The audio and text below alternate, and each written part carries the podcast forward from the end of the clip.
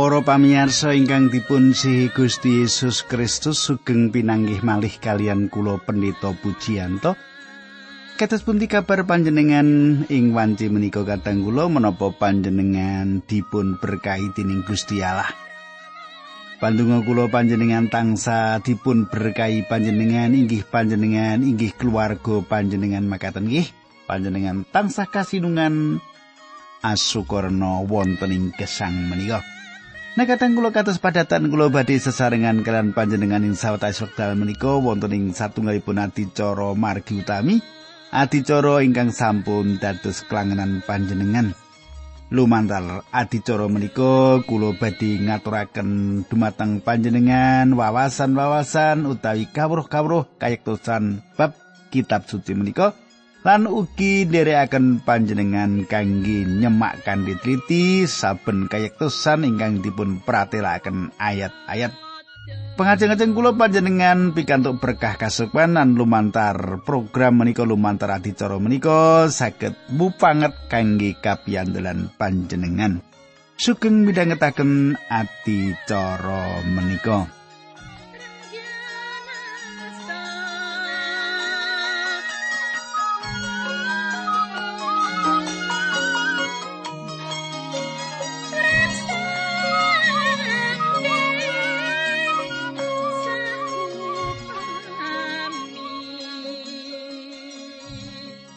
Para pamirsa menapa panjenengan tasih kemutan menapa ingkang sampun kula aturaken duk nalika pepanggihan kepengker kita sampun nyemak Elisa nyarasaken aman nanging kusta penyakitipun menika nempuh kehasi awit anggenipun kadah patrap rakus. Salajengipun kados pundi katang kula kita badhe nyemak ing titur menika nanging saderengipun menika kula badhe ngaturaken salam rumiyin. Salam kawula dumateng Bapak Jasirun nggih. Bapak Jasirun kados pundi pawartos panjenengan Bapak? Bapak Jasirun menika tambah negoro nggih. Nah kadang kula monggo kita tumungkul kita ndedonga sesarengan. Duh Kanjeng Rama ingkang adhedhampar wonten kraton ing kasuwargan kawula ngaturaken gunging panuwun menawi wekdal menika kawula saged tetunggilan kalian sederek-sederek kawula ingkang setya tuhu midhangetaken adicara menika. Kawula nyuwun supados Gusti nuntun kawula linambaran asmanipun Gusti kawula Yesus Kristus kawula ndedonga haleluya amin.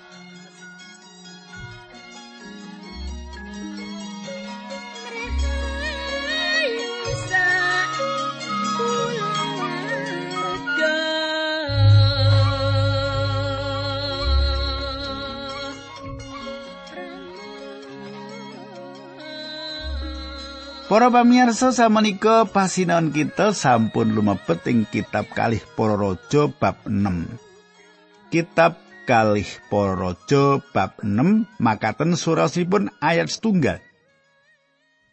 Ing sawijining dina nabi-nabi sing padha manggon ing pondokan matur karo Nabi Elisa, ature, "Pak, panggenan kula rupek sanget." Nah, kula sikek semanten rumiyin kula badhe ngaturi keterangan ayat setunggal menika.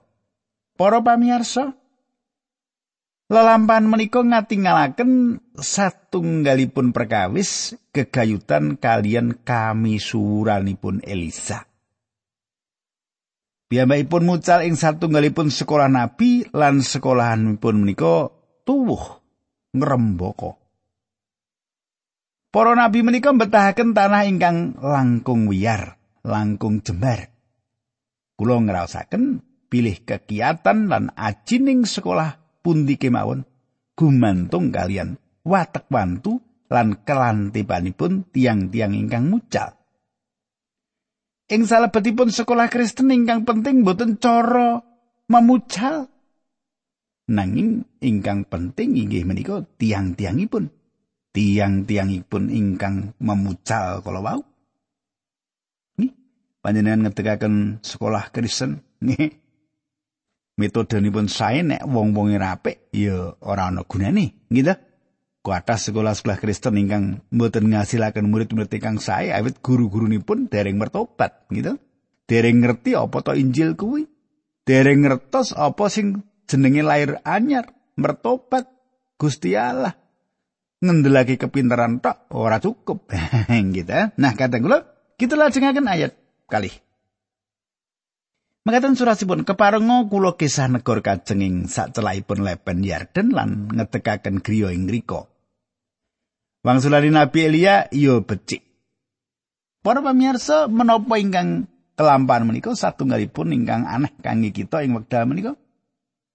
Para mahasiswa menika kisah nyambut damel lan Elisa nyukani pandering.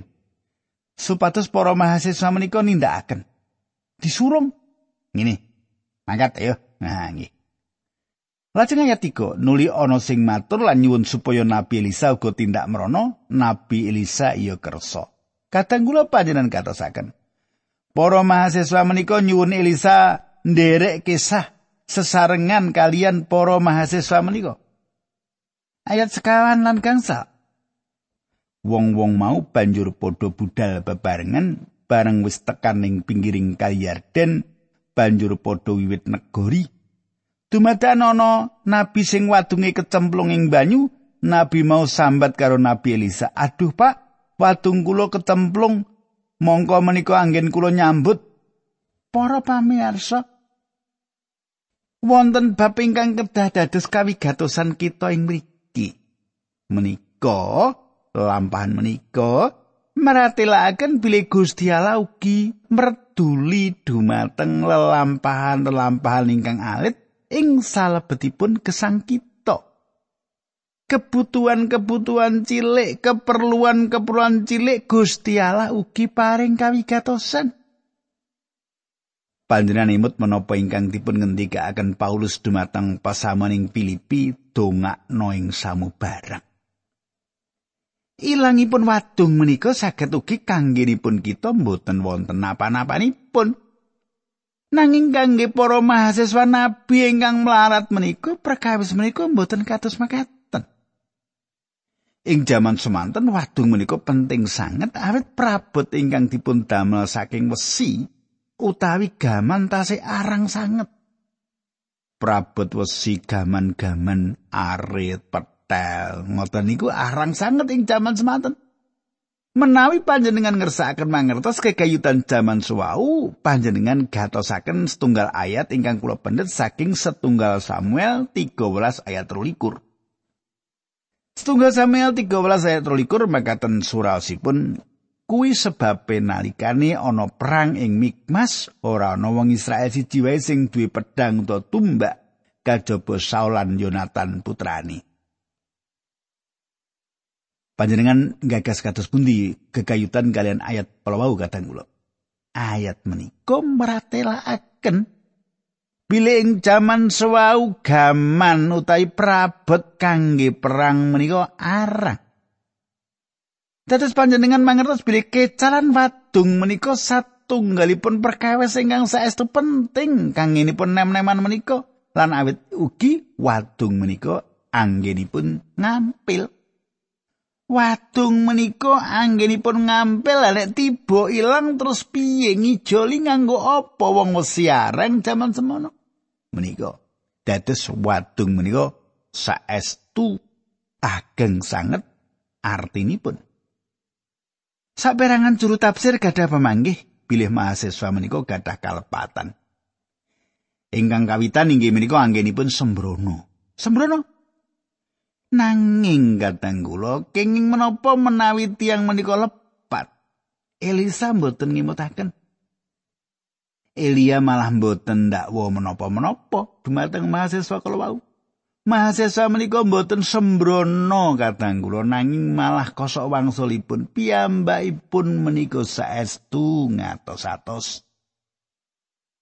Cetha satunggalipun perkawis ingkang bebayani menawi ngantos wadung menika ucul saking dangananipun lan perkawis menika asring dumados pramila Gusti Allah nglebetaken aturan kegayutan kalian perkawis menika wonten ing paugeranipun Musa.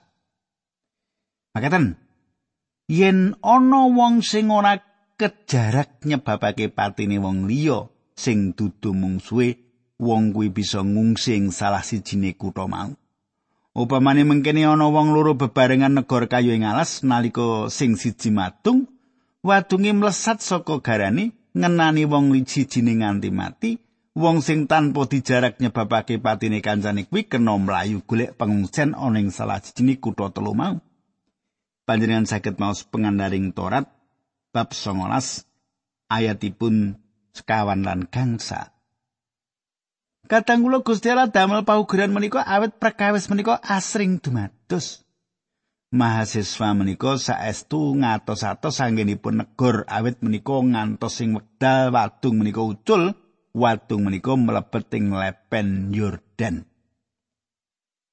Uculipun wadung menika dipun arahaken dhateng papan ingkang aman, ngonek ngenani kancane mati ana aturane dhewe.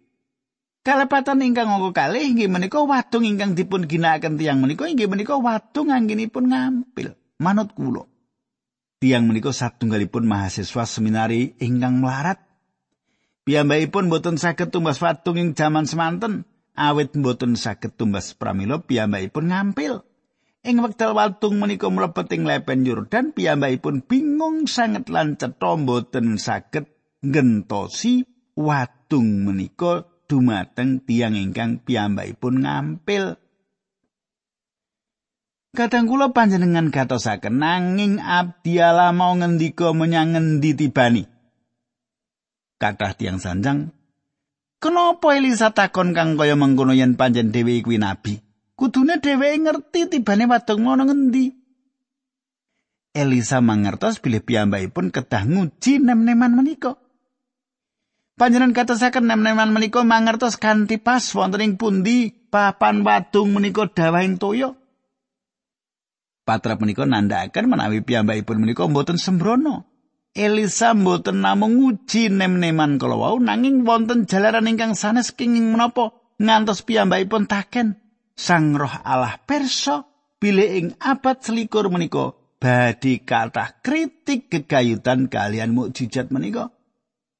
Tiang-tiang pada sanjang yo kebenaran wae banyune bening saben wong bisa ndeleng ana ngendi watung kuwi tiba. Para pamirsa. Pitakenani penelisa menika mbuktekaken bilih mboten saged tiang sanjang toyanipun menika bening. Menawi panjenengan ngrembak lepen Yordan, pramila panjenengan ngrembak lepen ingkang kathah ndotipun. Inggih mekaten menika kawontenanipun lepen Yordan. Nem-neman menika mangertos pasipun wonten pundi wadungipun dawah nanging boten saged mendhet. Wadung menika awit piyambakipun boten saged timbali. Toyanipun lepan menika boten bening. Kita semak menapa ingkang sampun dumados. Ayat 6 Nabi Elisa ndangu kacemplungi ana ing ngendi? Wong mau banjur nuduhake panggonane. Nabi Elisa banjur ngetok kayu diuncalake mrono wadunge banjur kumambang. Para pamirsa, Lelampahan menika satunggalipun mukjizat ing wekdal wonten wesi saged ngambang wonten ing toya. Menika lelawanan kalian hukum fisika. Satunggal mukjizat dumados wonten wadung ingkang wonten ing dasar toya. Saged ngambang kados gabus. Inggih menika cara ingkang dipun ginakaken Elisa, Elia mboten nate nindakaken perkawis menika. Elia saged ugi badhe sanjang. Nak wis tinggalen wae wadung kuwi beneng kono. Nanging menawi Elisa mboten kados makaten. Wadung ingkang sampun dawahing salebetipun toya dipun inggahaken ngambang dipun wangsulaken dumateng ingkang gadah dipun pasang malih ing dangananipun kanthi mekaten wadung menika saged dipun ginakaken malih. Lelampahan menika saestu-estu mukjizat ingkang langkung ageng tinimbang mukjizat ingkang sanes sawet ing salebetipun mukjizat menika wonten makna kasukman ingkang ngidapi-dapi kanggenipun kita. Manungsa menika kados dene wadung menika. Manungsa sampun ucul saking dangananipun. Piyambakipun sampun dawah ing salebetipun dosa, gesangipun sampun bobrok babar pindah. Dados Elisa ngetok kajeng piyambakipun nguncalaken kajeng menika wonten ing salebetipun toya pati. Kajeng menika nglambangaken salib Sang Kristus. Cupi panjenengan semak. Setunggal Petrus kali ayat kawalikur. Sang Kristus piyambak wis ngrembat dosa-dosa kita srana sarirani kasalib kuwi supaya kita padha luar saka panguwasane dosa. Tegese ora gawe dosa meneh srana badan kita lan padha nindakno kersane Allah merga saka bilur-bilure Sang Kristus kowe wis padha diwarasake. Kadang kula manungsa samenika saged dipun ambangaken saking salebetipun toya babati lan pengadilan lumantar Sang Kristus. Manungsa saged dipapanaken malih ing salebetipun rancangan Allah lan manungsa saged dipun lebetaken malih ing salebetipun program Gusti Allah. Paulus ngakeni wonten ing Filipi sekawan ayat 13. Saking perkara ndak sangga srana kekuatan sing diparingake dening Sang Kristus marang aku. Lan wonten ing Filipi 3 ayat 13 ngantos 18. Makaten surasipun ing Filipi 3 ayat 13 ngantos 18. Para sedulur aku dhewe pancen ora rumangsa wis menang lan oleh ganjaran. Nanging saperkara sing ndaudi ya kuwi nglalekake samubarang sing ana ing mburiku lan ngetok karosanku nyandak apa sing ana ing ngarepku dadine aku mlayu ngener marang tujuanku supaya oleh ganjaran mau ya kuwi timbalane Gusti Allah urip anyar sing dicadhangake lantaran Sang Kristus Yesus Para pamirsa sinten kemawon ugi boten perlu malih nglampahi gesang ingkang boten wonten ginanipun lan tanpa tujuan. Mboten gadah rancangan ing salebetipun gesang satunggalipun perkawis ingkang nyurung ewon tiang nindakaken pecah lalu lan gadah anggepan bilih gesang menika mboten wonten tegesipun. Para pamirsa sasampunipun Sang Kristus ngangkat kita ing sisi salib kagunganipun lan mapanaken kita malih ing rancangan lan tujuanipun gesang kita wangsul dados aji. Kados menapa pentingipun kita mbetahaken panuntunipun Gusti Allah ing wekdal menika? Mukjizat ingkang paling ageng boten kok kisah dateng bulan lan malah dateng kasuwargan kanthi niti sepur. Mukjizat ingkang ageng piyambak inggih menika kisah dateng langit ingkang langkung luhur ing wekdal kita tasih dados tiang dosa lan pitados dumateng Sang Kristus. Menika satunggalipun mukjizat ingkang ageng piyambak ingkang nate dumados dipun angkat saking lendutipun jagat menika lan dipun paringi makna kangge gesang kita ugi dipun paringi kesagetan kangge gesang kunjuk ing Allah. Kula lajengaken malih kali raja-raja bab 6 ayat pitu pangandikane Nabi Elisa jupuan. Wonge banjur ngatongake tangane wadunge dicandak. Para pamirsa menapa ingkang panjenengan kedah tindakaken ing wekdal menika inggih menika nyep pengi astanipun Sang Kristus kanthi iman lan nyepeng astanipun awit panjenenganipun sampun sedo kangge panjenengan.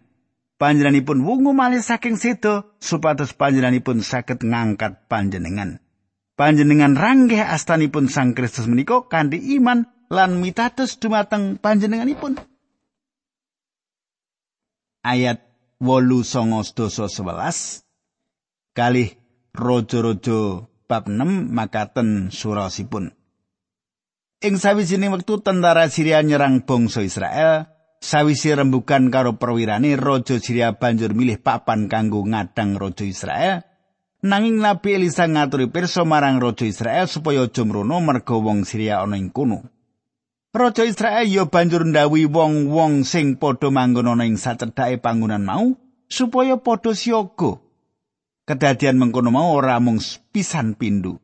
Raja Syria jengkel banget mulane banjur nglumpukake para perwirane landang. Ing antaramu mesti ana sing sekuton karo Israel. Sapa wonge? Ayo ngaku.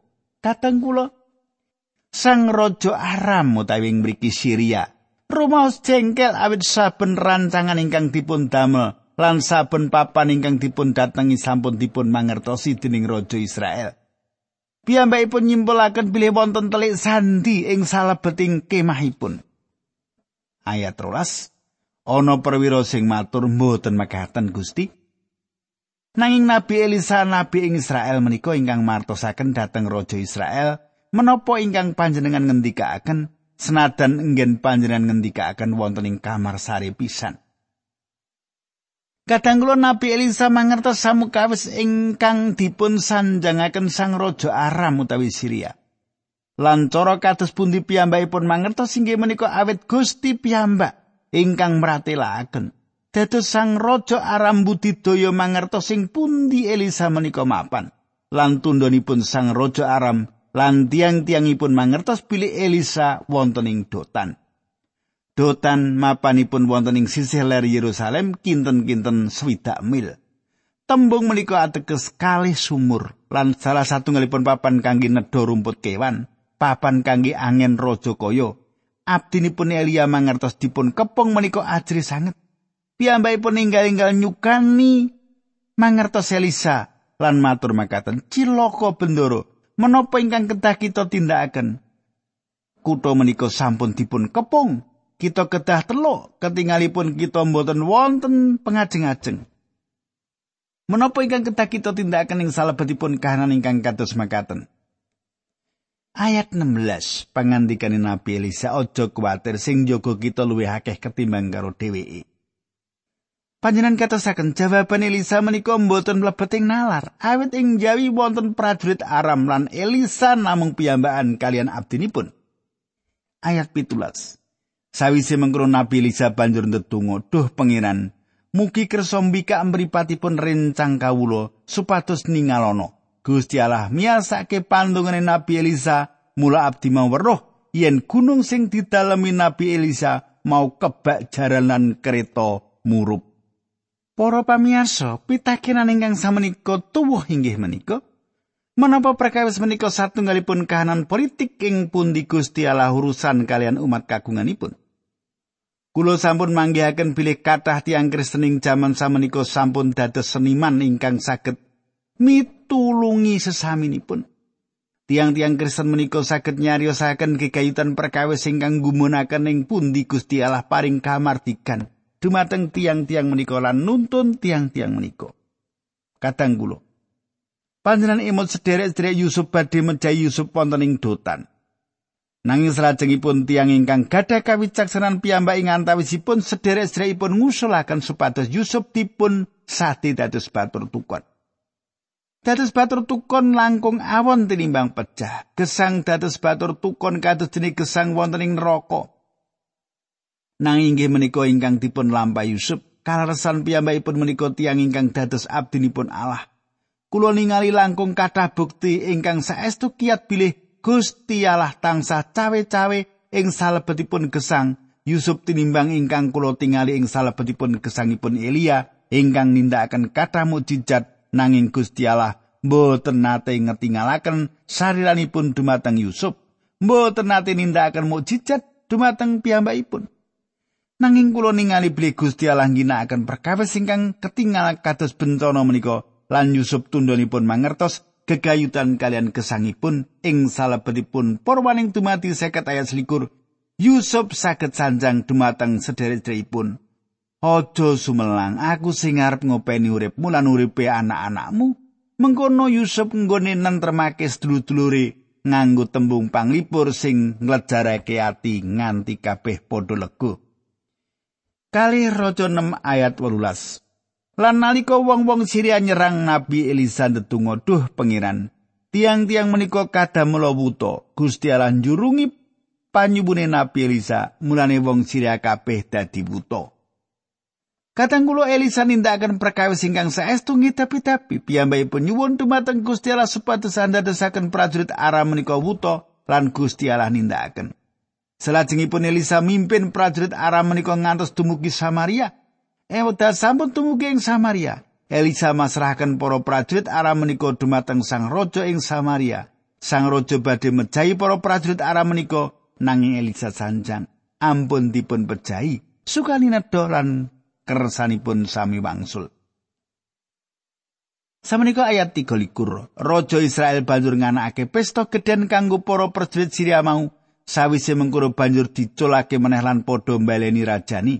Wiwit nalika semono ora ana grumbulan Syria mlebu ing tanah Israel maneh. Para pamirsa, sae pangwaos ugi kamirahanipun Gusti Allah Israel kados ingkang dipun ketinggalaken Elisa. Tentu sampun ngagetaken Sang Raja Aram. piyambakipun ngendhekaken anggenipun perang lumawan Israel. Nanging ing wekdal salajengipun Ben Hadad sepindah malih ngrebut Samaria kados ingkang kita semak ing perangan salajengipun. Ayat 4 ngantos selawi. Sawise mengkono Ben Hadad raja Siriah nglumpukake tentarane kabeh nyerang bangsa Israel, kutha Samaria dikepung. Nganti wong-wong ing kutha kono padha kaliran merga ora ana sing dipangan. Ndas kul diregani 80 slokolan telek dororong on regani limang perak. Para pamirsa, kekirangan pangan saestu tapi-tapi kanthi makaten reginipun sirah bagal. Panjenengan bayangaken sirah bagal dagingipun sekedhik lan namung saged dipun godhog kangge sup. Menika dipun sading kanthi regi ingkang larang. Ayat-ayat salajengipun meratelaken satunggalipun kasunyatan ingkang ngegirisi bilih tiang-tiang sami nedha lari-larinipun awit kegirangan nedha menika. Ayat ikang dosa setunggal, Sang Prabu banjur ngendika, cekake Elisa kudu mati, kareben aku dihukum dening Allah yen ing dina iki aku ora mateni Elisa. Kadang kula kita mboten mangertos kenging menapa Sang Raja menika nganggep Elisa tanggal jawab atas kahanan ingkang gegirisi akibat saking dipun kepungipun kita menika.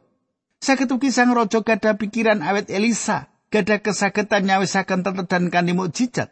Sang raja badhe paring pahukuman pecah dumateng Elisa awet piyambakipun boten nindakaken mukjizat nyawisaken tetedan menika.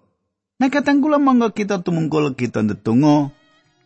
Duh Gusti Allah matur nuwun menawi dalem menika kawula saged tetunggilan, kawula saged midhangetaken kayektosan-kayektosan saking paduka.